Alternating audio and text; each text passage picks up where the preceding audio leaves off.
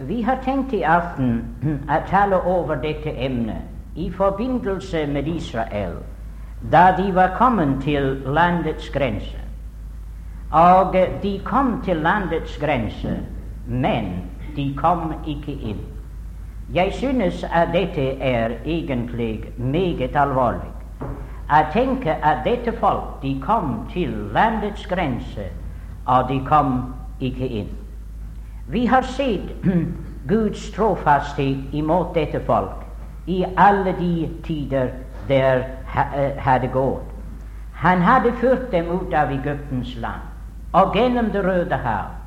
Han hadde sørget for dem med brød fra himmelen og vann fra klippen. Han hadde vederkveget dem og styrket dem og vist dem Hans nåde på alle mulige måter. Han hadde til og med kommet til å bo midt iblant dem som i dette tabernakel. Han vandret sammen med dem der i ørkenen. Men som vi så siste aften, de var meget utakknemlige. Og da fant vi at ti ganger hadde de knurret imot Herren. Og vi så noen av de ting som de hadde begått imot Herren, som vakte hans mishag og ikke hans velbehag. Det er andre ting vi kunne ha nevnt, som var kanskje mer av en anden, av en anden natur, nemlig om de ting der oppstod imellom dem. De ting som vi omtalte, de var jo egentlig synder som hele menigheten praktisk talt var, eh, var eh, befengt av. Men så var det andre ting som skjedde innimellom.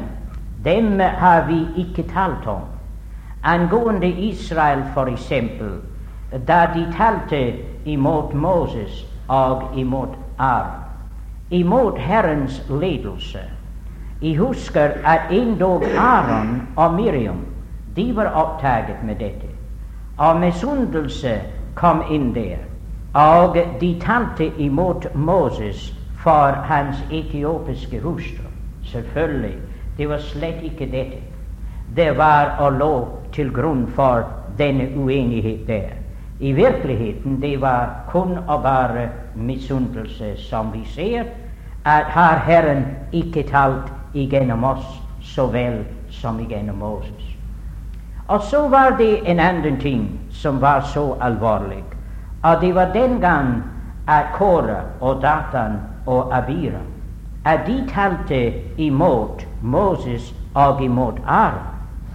Og det viste seg at det var dette. De sa er ikke hele folket her, eh, hellig. Skal du være en hersker over oss? osv. Du lovet å bringe oss til et godt land, et land som flyter med melk og honning. Ja, du tok oss fra et land der flyter med melk og honning, så at Egypten var sikkert blevet meget stor for dette folk nå. Det var ikke så da de var i Egypten. De vil gjerne komme fra det. Men nå at de var ute av Egypten, det viste seg at Egypten var i deres hjerte. Så de reiste seg imot Herrens ledelse og prestedømme. Er vi ikke alle hellige? Ja, det er alvorlige tanker for oss det.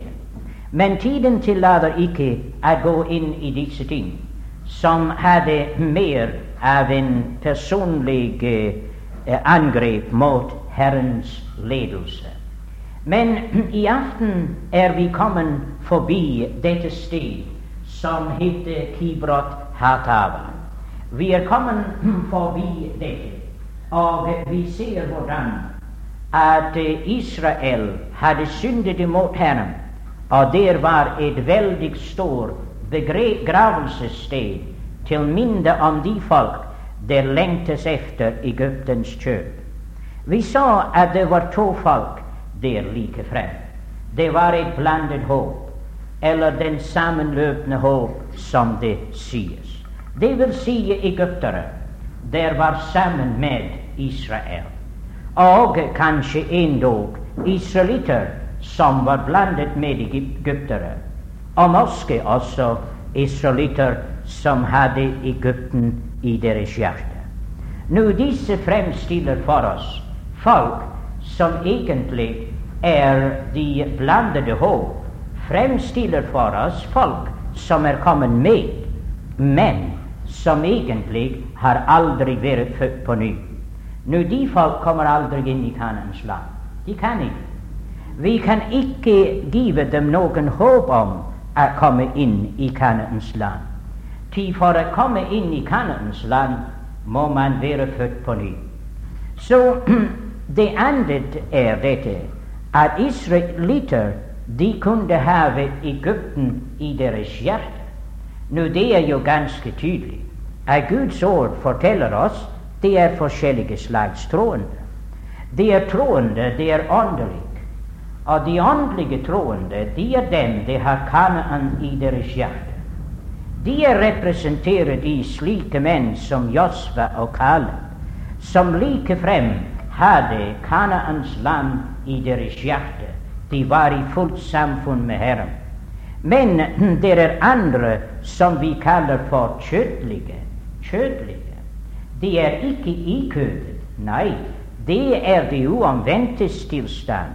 Men kjødet er i dem, og de er blevet kjødelige.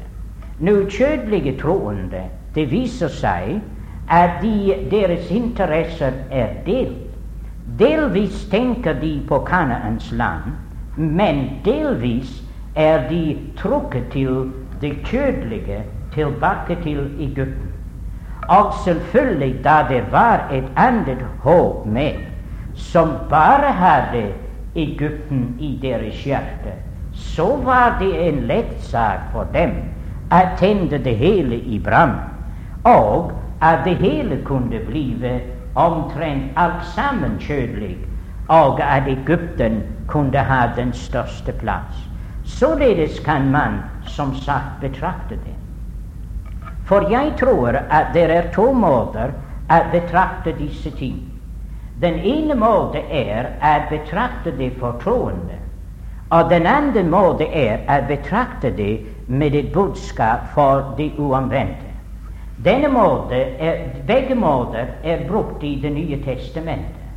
For da den Herre Jesus talte for eh, Nikodemus, så lot han vite det fra et evangelisk standpunkt.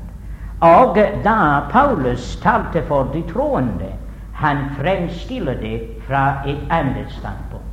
Så er disse to ting de kan ses. Og la oss betrakte det for et øyeblikk, især fra det troendes standpunkt.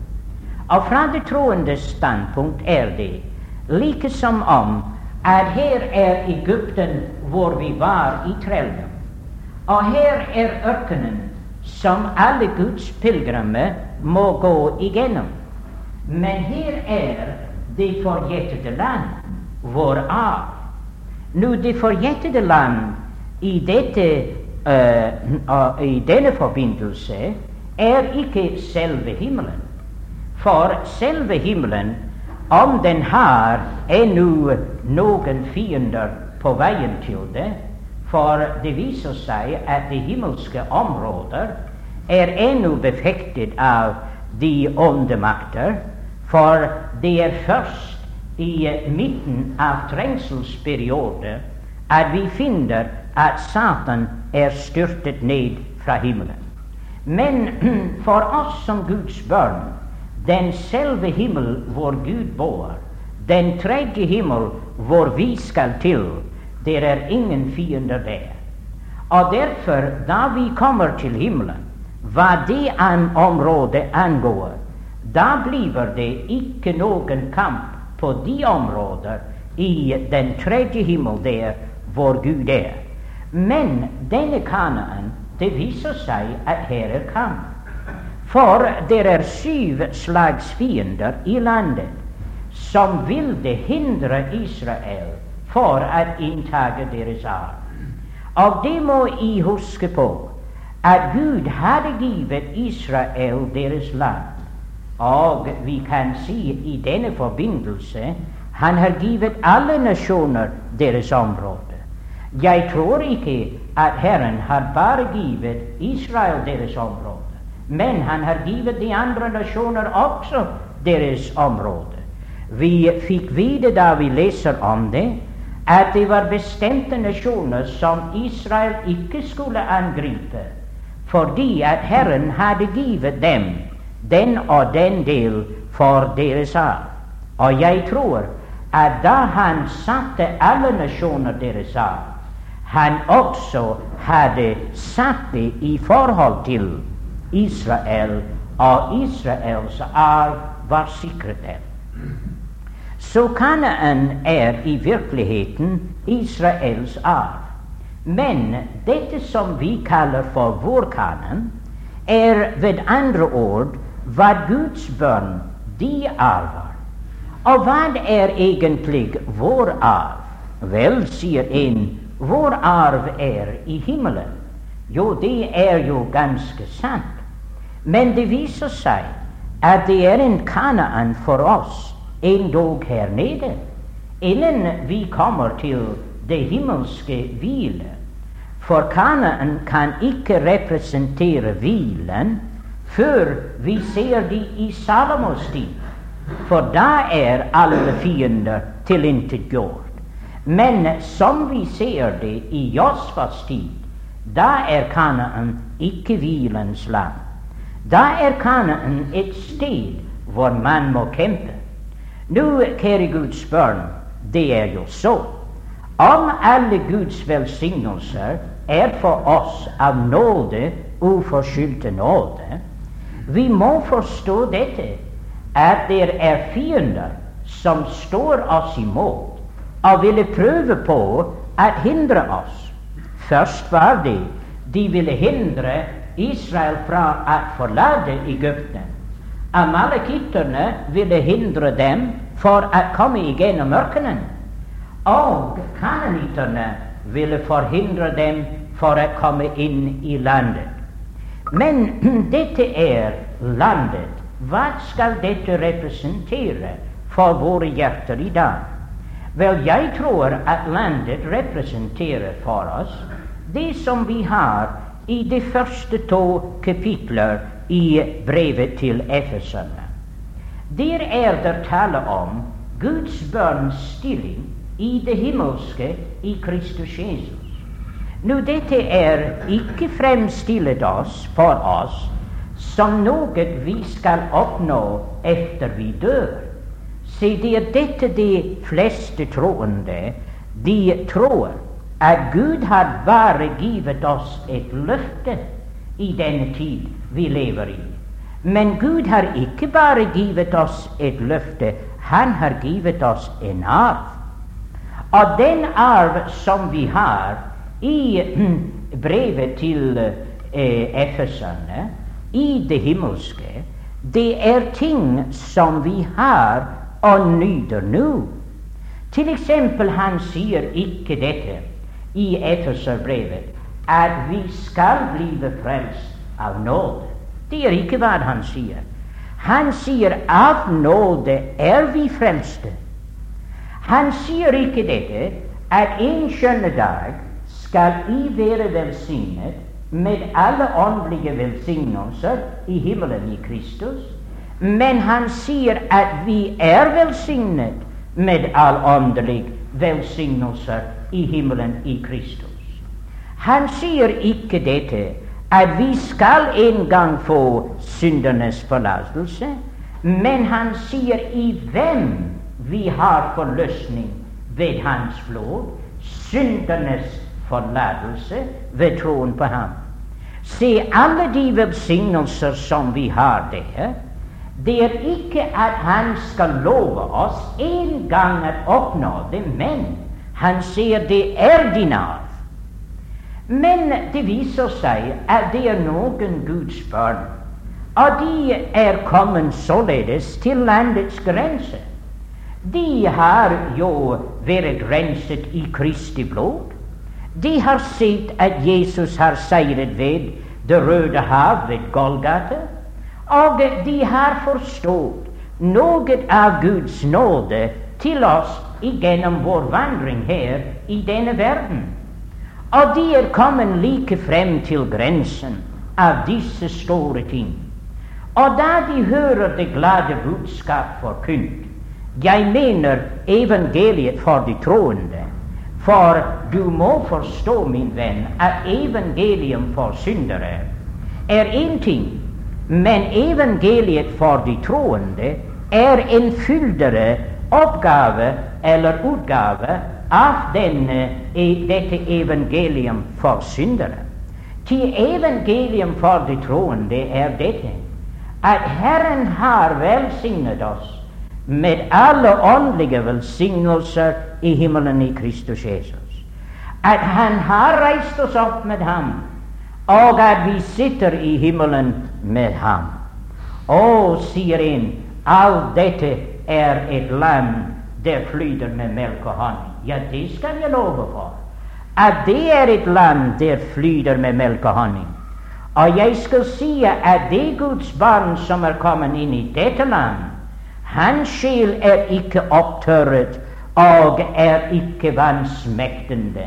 Nei, der skal jeg si at det er føde, og det var velsignelse for den sjel der har tatt dette land i besittelse.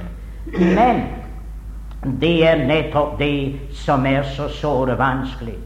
Da man forkynner disse sannheter for de troende, så sier de således at ja, ja, gid vi kunne oppnå dette. Ja, gid dette var for meg. Men det er for deg. Det er din arv.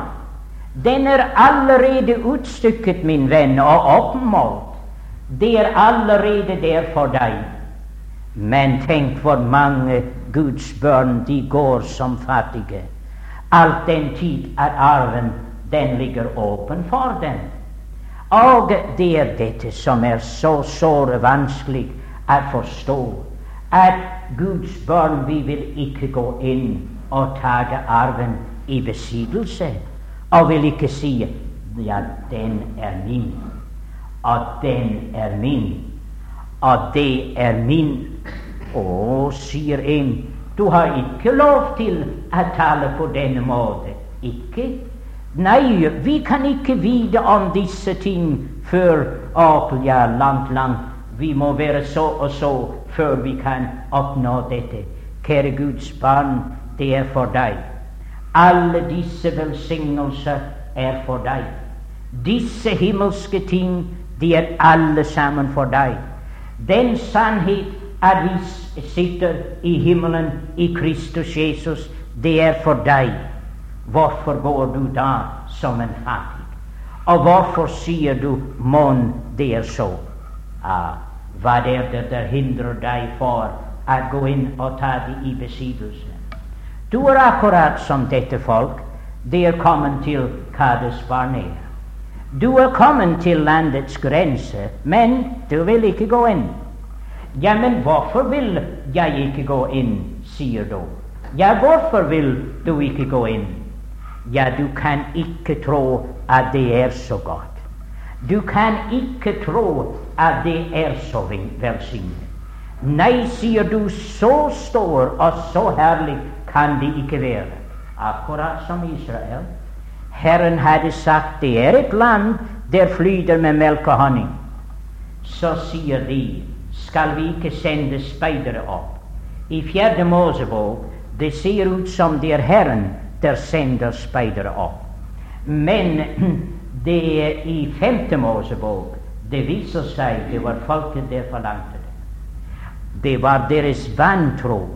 Og at sende speidere opp, det var en lille smule tvil, mine venner. En lille smule tvil. De følte dette, at de kunne ikke stole på hva Gud hadde sagt, og de ville sende speidere opp for å se om det var så. Og du kan nok forstå om speiderne var som de folk der sendte dem, så kunne det ikke komme tilbake noe godt rapport. Og da predikantene kom tilbake, der var to slags vitnesbyrd om disse ting. Og det overveiende hold de vitnet om en ting. Og det var kun to der stod og vitnet om den andre ting. Ja, men, sier du, det ti de må ha rett, for de er jo de fleste. Nei, mine venner, de ti var akkurat som de folk der hadde sendt dem. De ti de hadde vantro i deres hjerte. De var vantro troende, om vi kan bruke ordet. Og er det ikke så i dag? Hvordan er det med mange av Guds barn? De er kommet til landets grense. Ja, de er glad for at de har vært under blodets beskyttelse. De har opplevd både det ene og det andre sammen med Herren. Men, men, sier de, men, mon vi når frem? Mon dette her er for oss? Mon vi kan nyte dette? Å, det er vantro. Det er vantro. Og det er sikkert om du sier mon, så kommer du aldri til å oppleve det. Nei, du kommer aldri til å oppleve dette. For det er jo så at Herren, han har sagt det er for hver den som tror. Og Kanaans land står åpent. Og Moses sa til folket gå inn og ta landet i besittelse. Det var ikke annet å gjøre enn bare gå inn og ta det i besittelse. Selvfølgelig skulle det være en kamp. Ah, det var ikke bare vantro der var der. Men tenk du hvordan de så det. Disse ti kom tilbake, og de sa det er et land som forterer sine innbyggere et land som forterer sine innbyggere. Og hva så? Og det neste sier de, vi så annet sønner der, veldige, store og kraftige menn. Det var et merkelig vitnesbyrd, ikke sant? Et land som forterer sine innbyggere, og så var det sånne veldige, kraftige menn der bodde der. Det var en fullstendig motsigelse. Men således er det. De forteller den ene ting med den ene setning, og noe andre med den neste setning. Og deres vitnesbyrd var egentlig motstridende imot seg selv.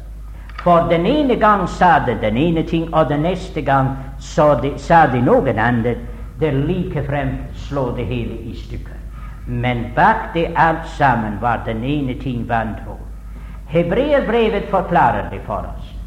For vi ser at de kunne ikke komme inn grunnet på vantro. De forherdet deres hjerter, og de oppnådde ikke det som egentlig var deres. Nå, vi som Guds barn er i en annen stilling.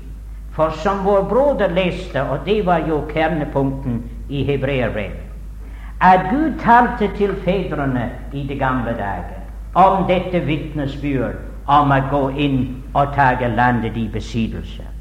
Og da du leser hebreerbrevet Du skal lese hebreerbrevet med dette bildet foran deg. Jeg var bare en dreng da jeg skrev over min gamle bibel i det sjette kapittel hebreerbrevet. Jeg skrev Kades Barnea. Og jeg har ofte undret hvordan jeg var kommet til det resultat. Jeg husker ikke nå hvordan jeg oppnådde dette, men jeg kan se nå klarere enn noensinne at det var ganske i orden, og at det er egentlig nøkkelen til hebreerbrevet.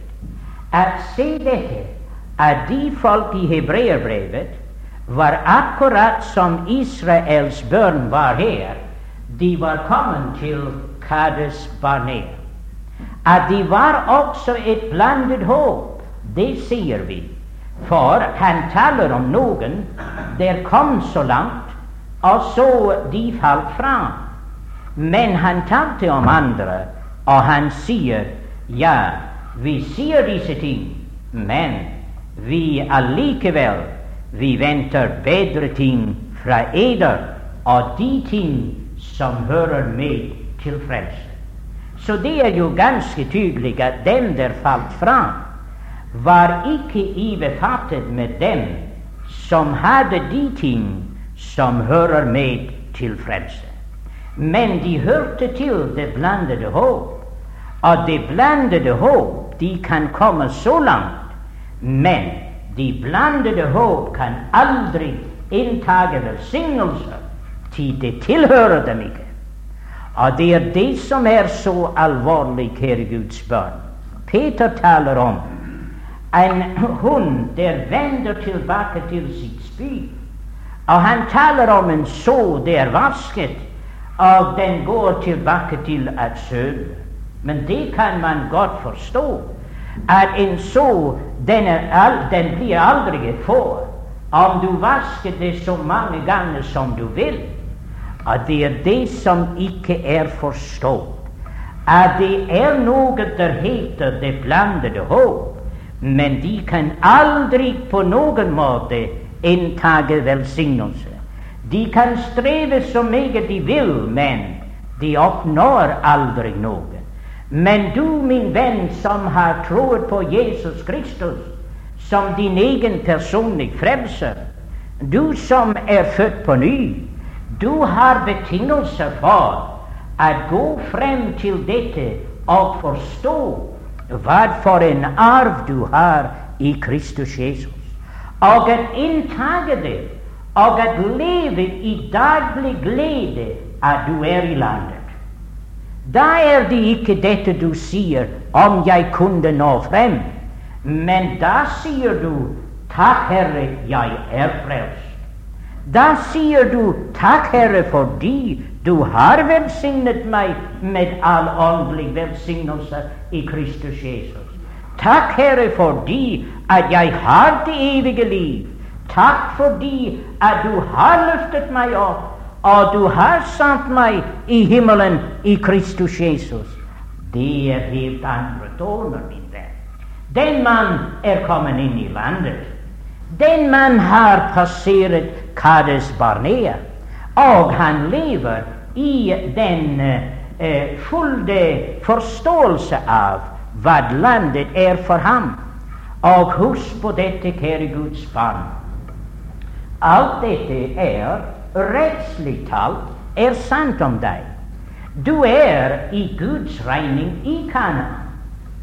Men praktisk talt er det dessverre det er få som har nådd frem der. Så det er forskjellen. At det er alt for deg, og Herren regner det som ditt, om du vil bare ta det i besittelse. Så det er én ting at Herren har lovet oss noe. Men det er en annen ting om du og jeg har likefrem tatt det i besittelse. Nå, det er en kamp. Du kan godt forstå at det var ikke lett for dem, for nå visste de de var to mot ti.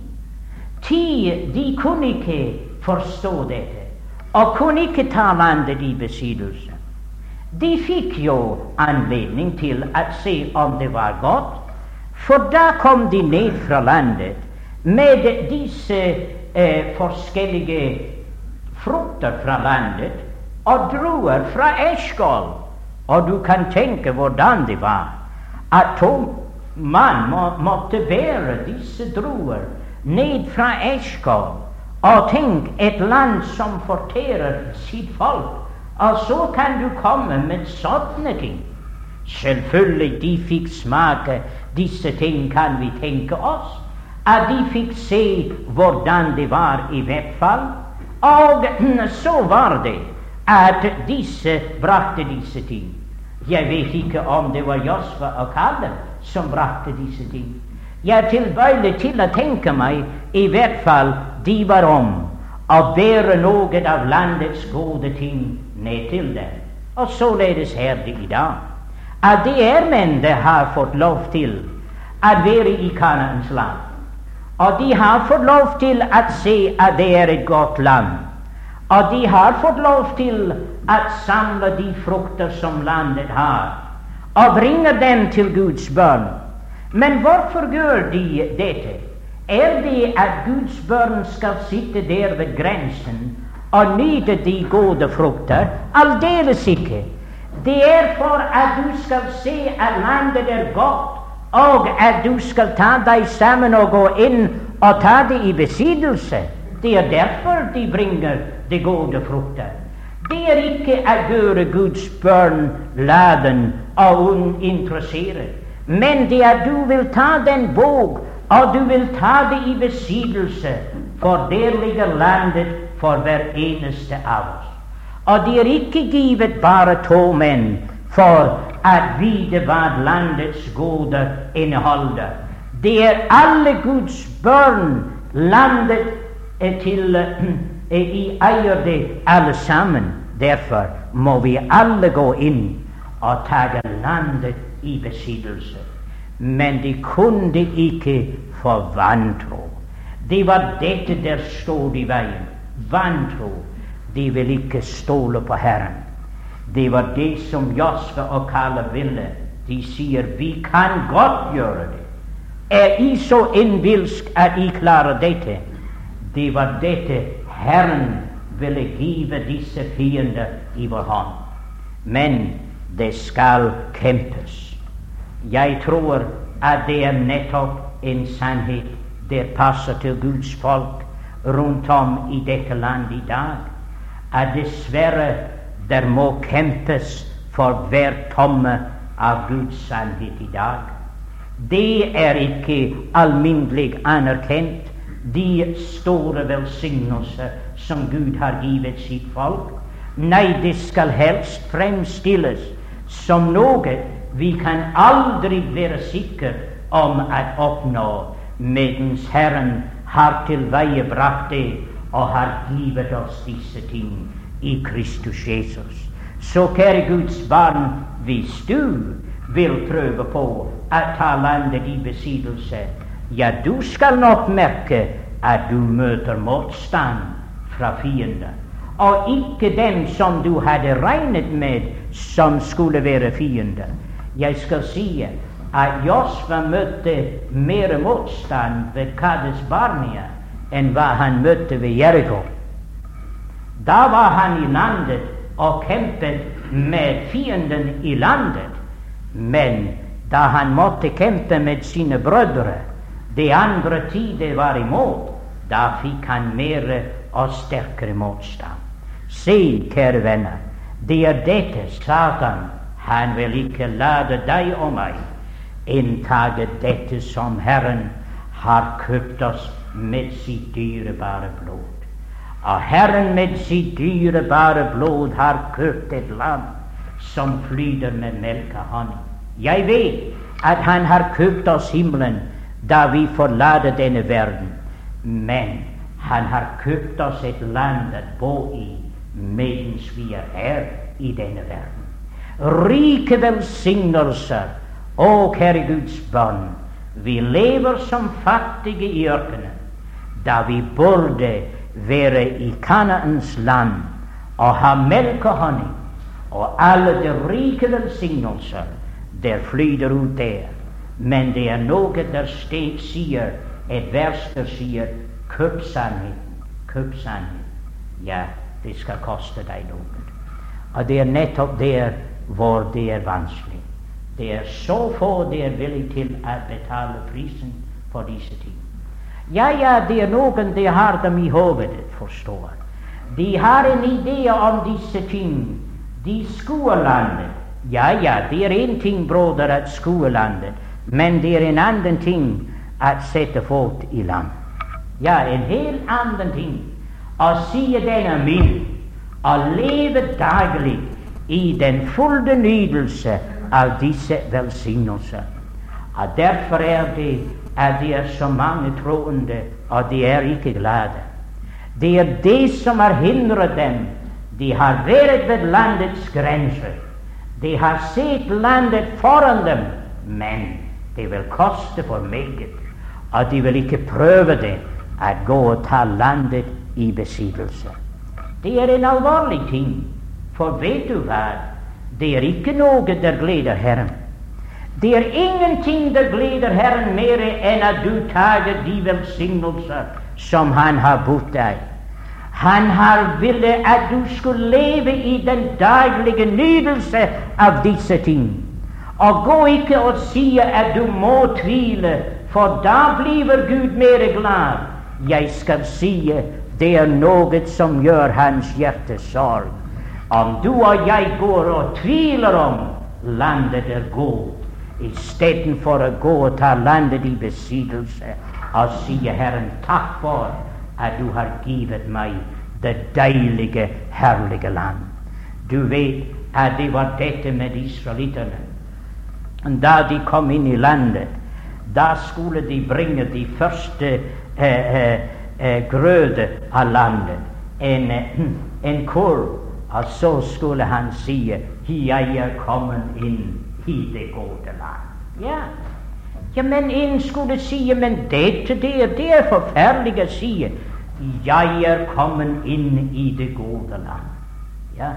Da bekjente han hva hans fader var, og en omvankende armé, og hvordan han hadde vært i trelldom, og hvordan Herren hadde ført dem igjennom, og hvordan at Herren hadde brakt dem inn i landet. Og vi er kommet til landet, og her er et offer av det første grøde fra landet ja, da skal jeg si at det var noe som gledet Herrens hjerte. Men å gå ved Kades barnia og tvile om alle disse sannheter som Herren i sin nåde har skjenket oss, så klart og tydelig i sitt år, da Han sier av nåde er vi frelste, så er vi frelst. Og når Han sier at Han har velsignet oss med all åndelig velsignelse, så er vi velsignet. Og når han sier at han har reist oss opp med ham og satt oss i himmelen med ham, så er vi der. Ti, mine venner, det er Guds dyrebare år. Og å tvile om det, det er egentlig bare å spotte hans navn. Så tenk på det. Hva det virkelig betyr, er det ikke så at det er mange Guds barn ved Kades Barnea. Ja, ja, de er like ved grensen. De sier disse ting, men de vil ikke ta skrittet til de vet at det er dem der vil tale imot dem. De vil være regnet for seg og altfor selvsikkert, og jeg vet ikke hva alt de vil si om dem. Men det vil Gud, det vil ære Gud om du vil ta ham på løftet og gå inn og forherlige ditt hjerte. Ja, men sier du det er for syndere? Nei, det er for troende. Forherlige ditt hjerte. Du skal ikke gå og si ja, ja, jeg kan nok blive her. Jeg behøver ikke å ta skrittet. Men nettopp der. De tok ikke skrittet da Gud sa til dem de skulle gjøre det. Vantro. Forherdet deres hjerte. Og derfor kom de ikke inn i Guds hvile. Ja, ja, Kanaans land er Guds hvile. Ja, men sier jeg trodde det var vår hvile. Ja, men det er også Guds hvile. For saken er den at Gud hviler i hva Kristus har gjort, og du og jeg skal hvile der hvor Gud hviler. Og han hviler der i landet, i alt hva det er givet oss er i Kristus. Og Gud hviler der. Og husk på, kjære Guds barn, der er hvile. I skal finne hvile for eders sjele.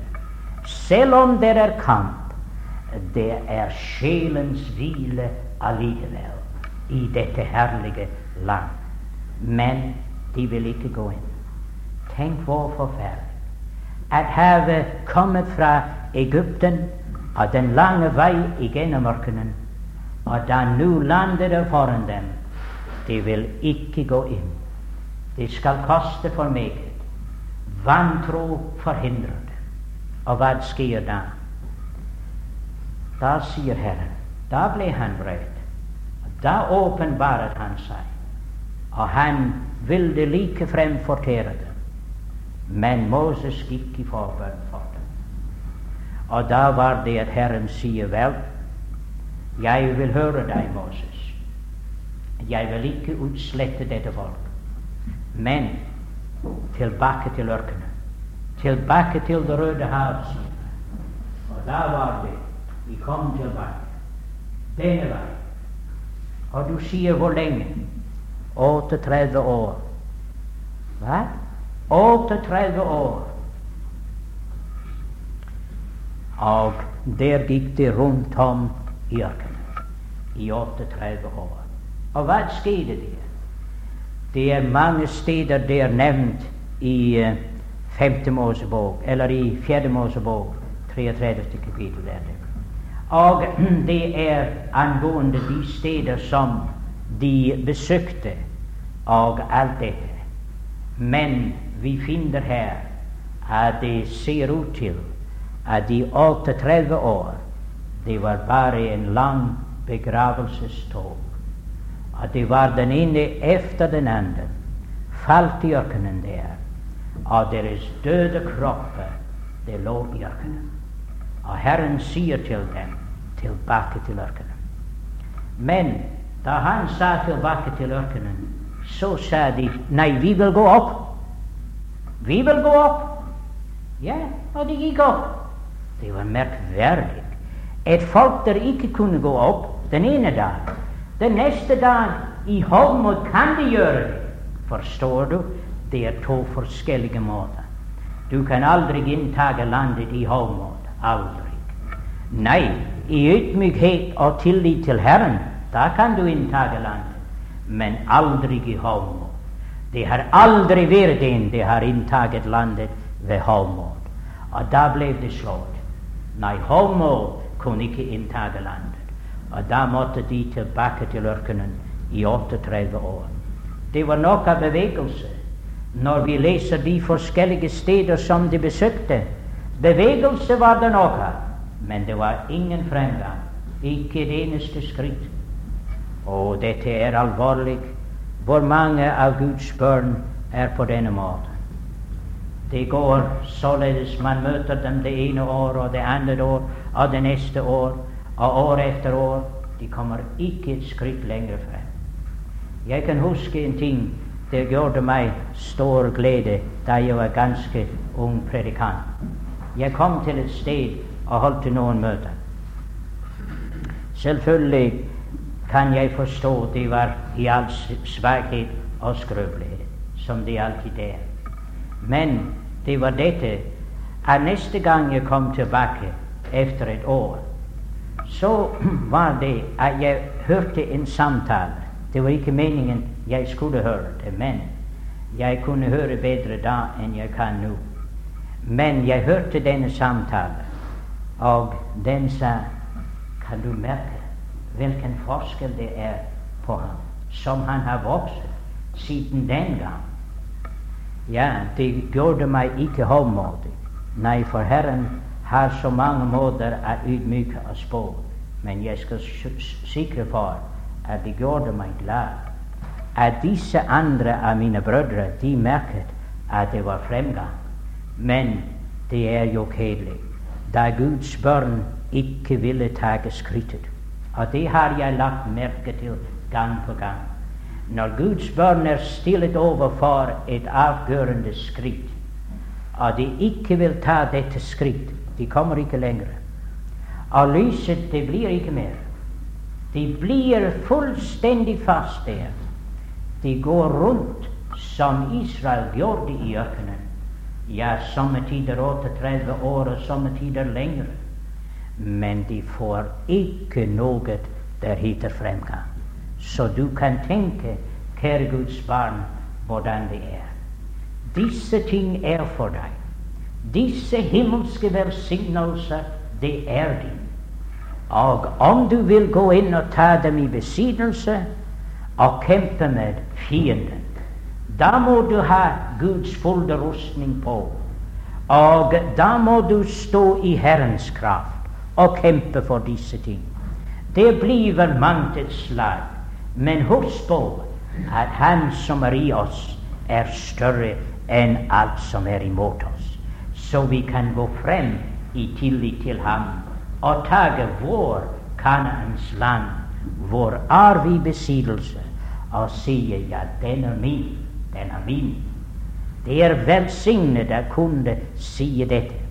Min far, det viste seg at han hadde en ualminnelig evne til å tilegne seg hver av disse forskjellige sannheter i Guds ord.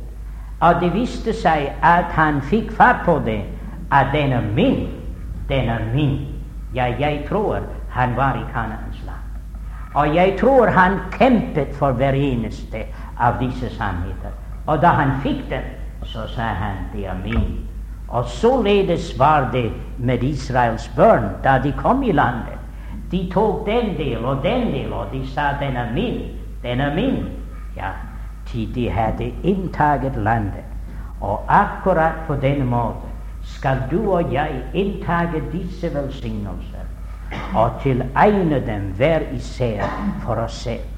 Således kan vi se da at bildet former seg for oss som hører Herren til at gå inn og tage vår Kanaan i besittelse. Men vi finner her at dette folk de vendte tilbake til ørkenen, og deres døde kropper lå rundt omkring i ørkenen. Det er ikke et spørsmål om frelse, min venn. Nei, nei, nei. Du kan blive like så godt frelst for det om du aldri riktig forstår din velsignelse. For det er sikkert det er mange frelste mennesker som aldri riktig har forstått deres velsignelser som er fremstilt i Efeserbrevet. Men de kunne blive mer glade, og Herren kunne få mer ære, og de ville blive mer takknemlige, og de kunne bringe landets frukter til Herren om de bare ville ta det i besittelse og lovprise ham for det. Det er det det gjelder om.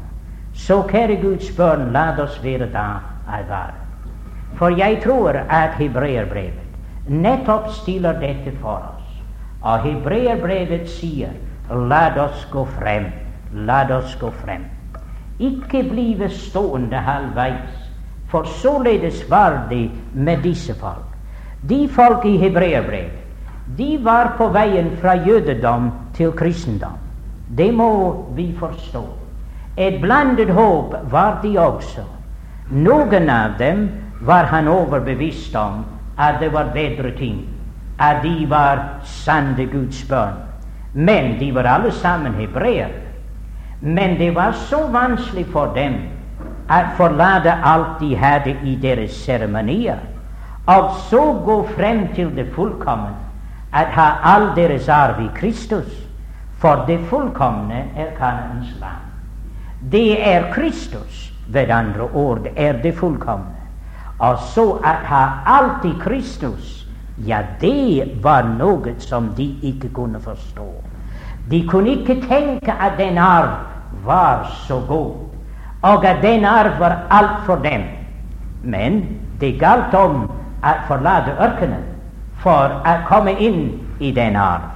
Og hva jødedom var for disse hebreere, var ørkenen for Israel den gang. Det var noe de må forlate for å komme inn i det fulle velsignelse. Men det var dette som noen av dem ikke var villig til å gjøre. Og Derfor kommer du til det sjette kapittelet. At de hadde smakt landets gode. Ikke sant?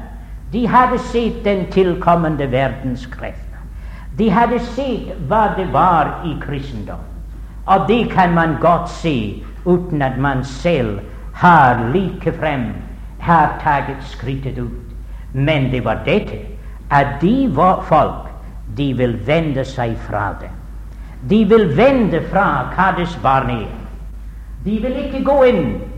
De vil ikke gå frem til Kristus og forlate jødedom. Men de falt tilbake. Hvor falt de tilbake? Til ørkenen. De falt tilbake til jødedom. Og de igjen korsfestede Kristus på ny. Det vil si, de gikk tilbake til det jødiske offeret for å si ved andre ord at Kristi offer var ikke nok. Derfor var det umulig å fornye dem til omvendelse. Akkurat som det var heller ikke mulig å fornye disse til omvendelse. De prøvde på å komme til omvendelse igjen, men det var ikke noe håp for dem. De hadde passert grensen. Og den der vender seg fra Kristus, mine venner, det vil si som jødene gjorde den gang, disse hebreere, at vende seg fra Kristus og gå tilbake til jødedom, ja, det er at korsfeste Kristus på ny. Og så kunne det ikke være noen omvendelse for det. For når de ikke vil ha Kristus, ja, så er det ingen omvendelse for et menneske som ikke vil ha Kristus. Så å bygge en lære på dette, mine venner, er meget, meget farlig. For da er det at man kommer i en meget farlig hjørne. Men vi ser dette, at disse folk, de var på veien. Men akkurat som Israels børn, de var ikke villige til å gå like frem og ta landet i besittelse. Så var de i fare for å gå tilbake til ørkenen og dø i ørkenen. Nå, disse ting er alt sammen givet oss til lærdom og til advarsel, så at vi skal ikke bli stående, men at vi skal gå frem og ta landet i besittelse. Og om vi skulle anvende det for de, de vantro, det har også en alvorlig tanke. Fordi, min venn, du er kanskje ikke langt fra Guds rike. Du er kanskje kommet til landets grense. Du er kanskje like frem å være overtalt å være en kristen. Det er en alvorlig ting å stå der og ikke gå inn. Derfor er det at vi anmoder deg om det i aften.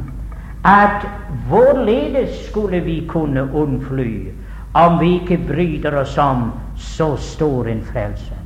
Hva skal være for deg, min venn, om du står i aften ved landets grense, ved grensen til alle de himmelske velsignelser, og så sier du nei, jeg vil ikke ha dem. Min venn, det er en forferdelig ting for deg. Husk på, han sier forherd ikke eders hjerte.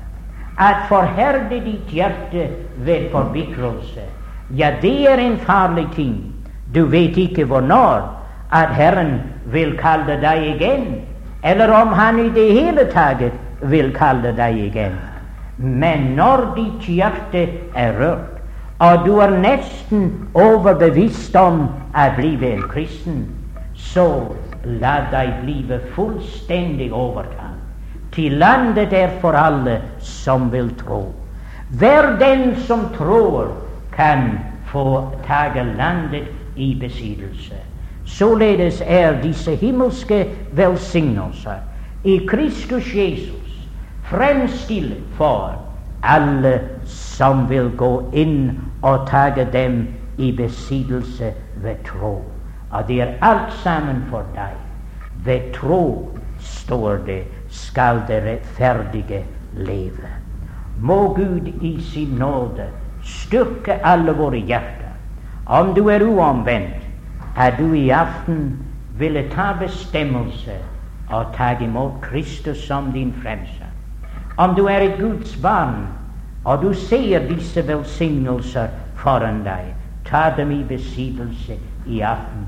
Ta Gud på ordet, for tro det alltid bringer Gud ære og bringer deg velsignelse. Men vantro det aldri er til ære for Gud eller velsignelse for deg. Så må Herren give oss nåde til å se at store ting har Herren lovet Israel den gang, men større ting har Han givet oss nå i Jesus Kristus. Men det er for oss at anamme dem, å ta dem i besittelse, at nyte dem og leve i Kanaan dag for dag. Må Herren så velsigne sitt ord for våre hjerter. Ja, Herre, vi sier deg takk. Takk for at det er store ting du har givet oss. Takk for at da Israel kom inn, de kunne si ja, det er et land som flyter med melk og honning. Og takk, Fader, for hver av oss som dine barn, som har erfart noe av den velsignelse som du skjenker dem som vil tro på deg. Ja, Herre, det er et land der fryder med melk og honning, og vi sier deg så hjertelig takk derfra. Men vi ønsker å få større nåde og kraft i Den hellige ånd for å ta mer av vårt herlige land i besittelse. Så Herre, velsign din sannhet for oss at det kunne anspore oss alle sammen at søke dypere inn i de store ting som du i din nåde har givet oss. Velsign ditt ord, Fader, også om det skulle være en der ennå ikke har gått over grensen og troet på deg, at du, Herre, vil velsigne den sjel i aften med din frelse. I Jesu navn.